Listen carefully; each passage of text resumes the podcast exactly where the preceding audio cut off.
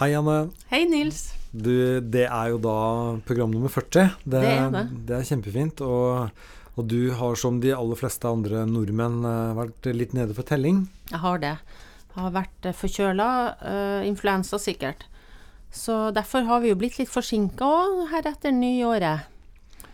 Så nå har vi det travelt med å fortsette å svare på spørsmål. Så hvis det kommer noen hostekuler nå, så Ja. Vi har jo satt opp sånn plastikk rundt eh, mikrofonen din. Ja. Eh, er litt redde for dem. Ja. Eh, Psykologiforeningen har jo nevnt forskjellige podkasts. Eh, vi er ikke alene der ute. Men det ser faktisk ut som det er noe som brer litt om seg. ja, det tror jeg òg. Det er en veldig fin måte å, å, å, snakke om alvorlige ting ved at du kanskje ikke ser de som snakker, men at du faktisk hører det. Altså Radio eller podkast egner seg utrolig bra for det, for da er det Mm. essensen i det som blir sagt. Mm. Og så er det jo litt tøft at de nevnte oss, da. Ja, det er vi veldig fornøyd med. Du må ikke skryte for mye av det. Nei. Vi er jo tross alt nordmenn, og vi liker ikke å skryte. Nei. Vi har to spørsmål eh, denne gangen. Vi skal, eh, skal vel også si det at eh, vi skal kjappe oss, og, og det neste programmet skal vel spilles inn eh, allerede om en uke. Mm. Og da kan vi love utroskap spesial. Eh, denne gangen kommer det ikke til å handle om det. Det Utroskap, men også kjærlighetssorg. ja, de Ja. Heng sammen. Heng sammen, de, de to tingene der. To korte, konsise, interessante spørsmål. Jeg tar det første. Mm. Passer det for alle å sette seg et mål og gjøre det som kreves for å nå det? Hvorfor er vi mennesker så ulike i forhold til dette? Handler det om selvdisiplin og eventuelt mangel på selvdisiplin? Og hvorfor er noen så dårlige på dette? Ja, og dette tar vi jo i forbindelse med at det nettopp er et nytt år. Jeg syns det passer godt, fordi det er sikkert mange som er opptatt av mål nå, og det å sette seg mål. Og så er det artig det der med selvdisiplin, eh, eller selvkontroll, fordi det handler jo om evnen til å Altså, det kan være en del fristelser umiddelbart, ikke sant, rundt det her og nå. Eh, og så handler det om evnen til å utsette behov, altså en sånn kortvarig lykke eh, rush der og da, og så heller tenk på det langsiktige målet enn å satt seg. F.eks. hvis godteriskåla står rett foran deg. Og litt artig at dette også er studert, eh, et sånn klassisk studie, og det her ble jo gjort på 60-tallet, på Stanford-universitetet, av en som heter Michelle, og en sånn forskningsgruppe, og det kaller de Marshmallows-eksperimentet. Og det var Da var det barn, altså de skulle studere selvkontroll hos barn, så de var i, i aldersgruppa fire til seks år. Så satt de en marshmallow fremfor det barnet, og så sa de at hvis du Altså så ga de dem 15 minutter, gikk de ut av rommet og sa at hvis du klarer å vente, så skal du få to. mm. Og da Hva tenker du skjedde da? Nei, da tenker jeg at halvparten klarte å vente, og halvparten, andre halvparten ikke Og klarte mange, det. mange flere enn halvparten. Jeg husker ikke tallene, men det var veldig mange som ikke klarte å vente. Nei. Uh, og det som var interessant, var at, at denne forskergruppa de tok opp igjen det her når de var tenåringer, de her ungene, og så på, på, på det samme eh, da, det med selvkontroll. Og de her som ikke hadde klart å vente når de var barn, de fortsatte i samme dur, kan du si. Men, men der er det jo eh, Nå skal jeg ikke stille spørsmålstegn ved det, det forskerresultatene der, holdt jeg på å si, men uh, sukker er jo Vi er jo genetisk til uh, laget slik at når vi Altså Før når vi var steinaldere, hvis vi kommer over Altså steinaldertiden, hvis vi kom over sukker, så var det bare om å gjøre å spise mest mulig for å Ja. bunkre opp. Ja. Så, så det kan jo være at dette ikke er eh, dårlig holdning, men at det er faktisk noe som ligger latent i arvematerialet vårt. Ja, og så det, det som også var, var jo at de har funnet ut etterpå da, at eh, det kan jo også handle om den graden du stoler på forsøksleder. Er denne mannen til å stole på? Eh, Lurer han meg nå, ikke sant? Eh, Kanskje en variabel du, de ikke hadde tenkt på. Men det de har funnet ut etterpå som også er veldig interessant, da, de har forska litt videre på det, og distraksjon er et viktig element. Altså hvis du hvis det med selvkontroll, altså du, du har fristelsen rett foran deg, ikke sant, så er det jo, da må du hele tida ta et valg. Eh, og grad av evnen til å distrahere seg er viktig for å klare å utsette. Eh, men like så godt så det jo, handler det jo om å la fristelsene, altså hvis det er noe en har bestemt seg for, så kanskje gjøre det enklere for seg sjøl òg, ikke være i alle slags settinger der dette trigges, eller ha godteriskåler eller røyken rett rundt hjørnet, sånn at det blir veldig vanskelig, kan du si, å utsette. Ja. Men man kan vel tenke seg at uh, akkurat som noen er født med gode tenner, og noen har uh, høy IQ, så er det vel noen som er født med selvdisiplin fra barnsben av? Ja, det, det, kan jo se ut som enkelte er mer evne å, å, å vente, og også kanskje distrahere seg i den forstand at de får tida til å gå ved å distrahere seg. Eh, men for veldig mange igjen så er det vel sånn at det beste er vel at du gjemmer unna fristelsen, for da blir ikke da blir det lengre vei å gå for å gå på en sprekk, for å si det sånn, da. Men bør man føle seg mislykka som menneske hvis man går på en sprekk? Nei, altså hva, hva, er det som gjør at folk klarer å nå målene sine? Det handler jo også om evnen til å ha Evnen til å egentlig refokusere igjen, hvis du Altså, hvis du har gått på en sprekk, det å klare å tenke at OK, men dette trenger jo ikke bety at alt går ad undas. Jeg kan jo kanskje bare komme meg tilbake igjen til det jeg prøver på. Sånn at uh, evnen til å Evnen til det. Og så tenker jeg også at det er viktig å sette seg Altså hvis du setter deg mål, at du har litt sånn positiv forventning til deg sjøl, der er vi forskjellige. Mm. Altså noen har en veldig sånn mestringsforventning til seg sjøl som er positiv. 'Dette skal jeg klare'. Uh, jeg evner å klare det. Uh, og, de snakker, de har en indre dialog som er mer positiv òg. Så har du kanskje de som er i, større grad tenker at 'nei, jeg mislykkes, jeg har alltid mislykkes, jeg kommer ikke til å klare det'. Uh, og når de også går på en sprekk, så blir det litt sånn Se der, jeg får det jo ikke til. Har du mer av den positive mestringsforventningen til deg sjøl, så er det kanskje lettere å tenke ja ja, det var vel en liten sprekk da, men jeg gir meg ikke nå, for at jeg har et større mål her som jeg skal komme tilbake til. Men er vi født sånn, eller blitt sånn? Uh, jeg tror vi er veldig prega av Som alltid så er vi jo både litt født og blitt sånn, skulle jeg tro. Men her blir vi vel prega av eh, den tilliten vi har til egen mestring òg, eh, som handler om erfaringer òg, tror jeg. Og så, når en setter seg mål Vet du, idrettsutøvere de setter seg jo ganske hårete mål. For en sier jo at en skal sette så realistiske mål. Men kanskje kan en ha noen drømmemål òg, at det kan være lurt å ha noen drømmemål. Uh, men du må likevel ha noen delmål på veien dit. Sånn at det er jo ikke sant at du alltid skal sette at alle målene skal være realistiske, men akkurat de målene du har der og da, de må være eh, det må være noen langtidsmål, de kan være mer sånn drømmende, og så må det være noe der og da som er mer konkret, og som du skal prøve å følge akkurat nå. Jeg tror det, i hvert fall for min egen del så går det et uh, greit skille mellom mål som jeg skjønner er bra for meg selv. Mm. De går det an å nå. Ja. Men mål som man setter seg fordi det har noe å si for det bildet jeg viser andre, det ja, er ja. bare tullball. Det kan du også si at indre og ytre motivasjon er viktig. ikke sant? Hvis alt du gjør handler om å prestere for at du tenker dette forventes av deg, så blir det jo ikke noe indre motivasjon for å drive med det. Og da er det jo ofte kanskje mer skrekken som holder deg i gang. Altså ja redselen for å tape ansiktet eller et eller annet. Så, så det, det, her med også sette seg mål, fordi dette vil jeg virkelig for min egen del. Så indre motivasjon også er veldig viktig. Ja. Ja, det var jo et uh... Ja, ytre motivasjon kan jo òg Altså, du kan jo få beskjed om at du er overvektig, og legen din ber deg om å gjøre noe med det, ikke sant. Men, men du må jo også inni deg erkjenne eller tenke at jo, dette må jeg prøve å gjøre noe med. Du må jo bygge opp en et, en, et, ønske der, da. Skal vi gå videre til spørsmål ja. nummer to?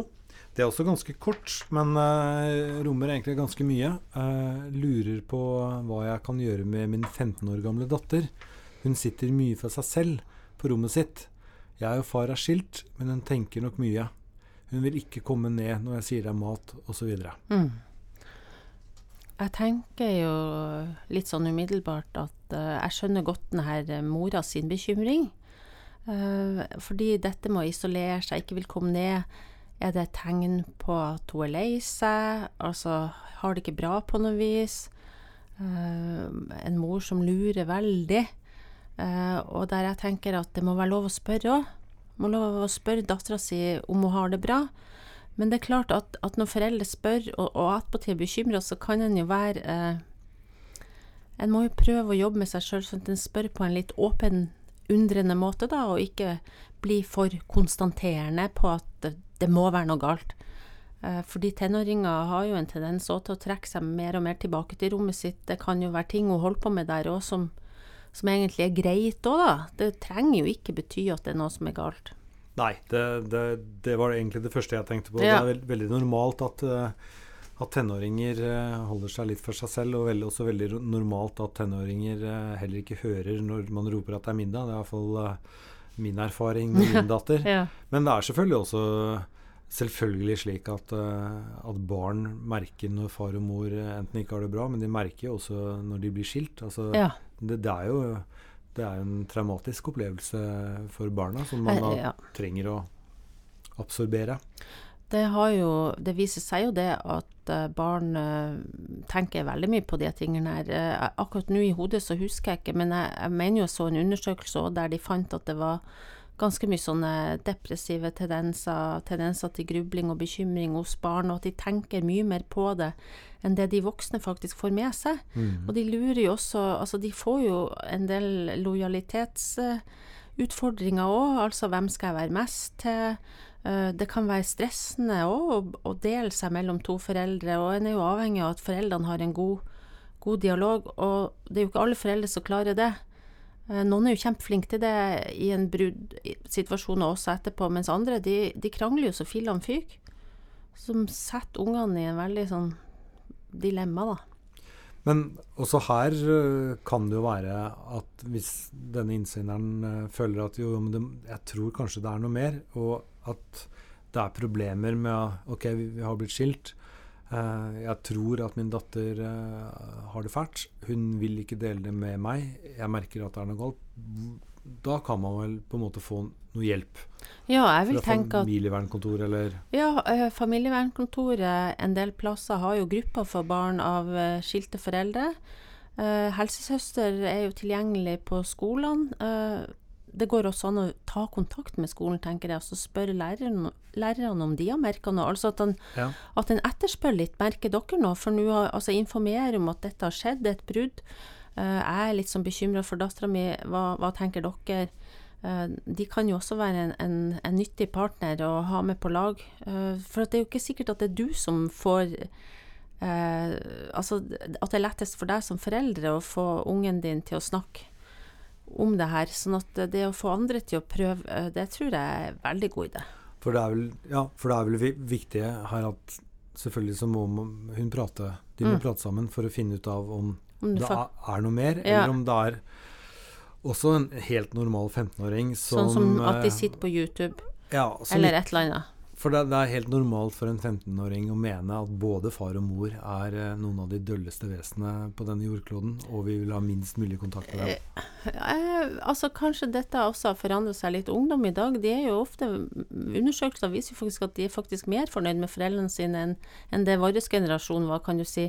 Men der er det også forskjeller, så klart. Og det må være lov for ungdommer å trekke seg tilbake fra voksne og ha behov for å ikke snakke med voksne, og kanskje også synes at de er dølle. Det er selvsagt noen ungdommer som syns det om foreldrene sine. Så det kan være mange andre forklaringer òg. Jeg, jeg tenker at den mora eh, i hvert fall ikke skal gå og brenne inne med en sånn bekymring uten å tørre å sette ord på det, tørre å spørre.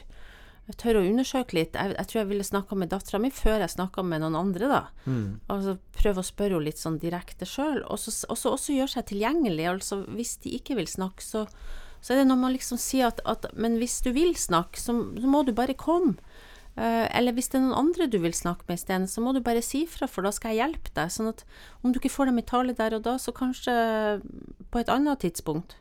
Men la oss nå bare si det at uh, uh, altså vi, vi kjenner jo ikke innsenderen, vi aner Nei. ikke hvem det er. Men la oss bare leke med tanken på at jenta er lei seg fordi far og mor blir skilt. Ja. Og det som skjer for barn, vil jeg anta, når far og mor blir skilt, er at noe som før opplevdes som veldig trygt, blir avslørt og ikke være det. Ja. Nemlig at man har ikke en far og mor lenger som bor sammen, Ja. og som på en måte passer på barna i sånn to, tosomhet. Ja. Nå, ha, nå er ikke far og mor glad i hverandre, de blir skilt. Ja. Da blir verden plutselig mer utrygg. Ja. Ved at man da snakker med dattera si, og at man tar kontakt med skolen Altså det at uh, mora tar kontakt med skolen og spør har dere merket noe, osv. Ja. Ja. Da kan det jo tenkes at dattera føler at OK, du går den ekstra mila for meg. Du Ja. er litt hønemor. Du er opptatt av at det skal være det trygt og godt. Ja. Så, Jeg tror ikke det, det er ikke, det er ikke feil å ta kontakt med skoler i det hele tatt, men, men jeg tror det er veldig Altså, ungdommer er jo sensitive for det der med å, å bli snakka om bak ryggen. Og det forstår jeg. Sånn jeg tror jeg, hvis det hadde vært min datter eller min sønn, så ville jeg sagt, vet du, jeg har lyst til å ta kontakt med skolen, og hvis de sier ja, men det vil jeg ikke at du skal gjøre sånn, så, så ville jeg sagt at vet du hva, jeg, jeg trenger faktisk til å bare spørre dem om dette stemmer. Men jeg ville informert først, for, det, for jeg tror det kan føles som et tillitsbrudd hvis etterpå kommer, kommer det frem at jeg har ringt bak ryggen. Uh, sånn at uh, det at datter eller sønn sier at 'jeg vil ikke', det trenger ikke bety at du skal høre på det, altså, men du skal informere. Mm. Ja. Men, men, du sa, sa noe i sted om at uh, barn kan få en depresjon ved at far og mor blir skilt. Ja, altså Det er jo en sorg, tenker jeg kanskje mer da. Uh, og at uh, det er en kjensgjerning at uh, barn tenker mer på, på det her kanskje enn det som foreldrene oppfatter. For de kan jo være så lojale òg, så det er jo ikke sikkert at det kommer frem i, i en setting med foreldrene. Og nå skulle jeg gjerne ha for dette er noe jeg har lest for ikke så lenge siden, og da var det gjort en sånn undersøkelse der en så på hvordan barn av foreldre som har skilt seg, har det. Og da kom det jo frem at at dette var et større tema for dem enn en det som en faktisk eh, kunne tro da som voksen. Men om de blir deprimert, eh, sorg Noen kan jo sikkert bli deprimert. Jeg tror vel så mye en sorgreaksjon, kanskje. Uh, og også mye bekymringer. Tanker rundt hva det skal bli fremover. Og og ting som eh, gjør at en kan ha godt av å snakke med noen. Det er ikke sikkert en har psykiske plager av det, men det kan gjøre en sårbar på sikt, kanskje, for å bygge opp noen plager. sånn at jeg tror det er viktig å tenke på at barn og ungdom trenger noen å snakke med i denne forbindelse, da. Mm. Om ikke en fagperson, så i hvert fall at noen voksne hører på de, at vi er interessert i å finne ut hvordan de har det i en sånn prosess, og ikke bli for opptatt av oss sjøl, da. Mm. Ja. Det var det. Mm. Uh, vi rakk i Mindfit nummer 40. Ja. Uh, vi er tilbake litt kjappere enn neste gang, uh, ja. for da har vi blitt friske og raske begge to ja. og begynner å se mot våren. send inn spørsmål, det setter vi veldig pris på. Og så høres vi veldig snart igjen. Ha det bra. Ha det.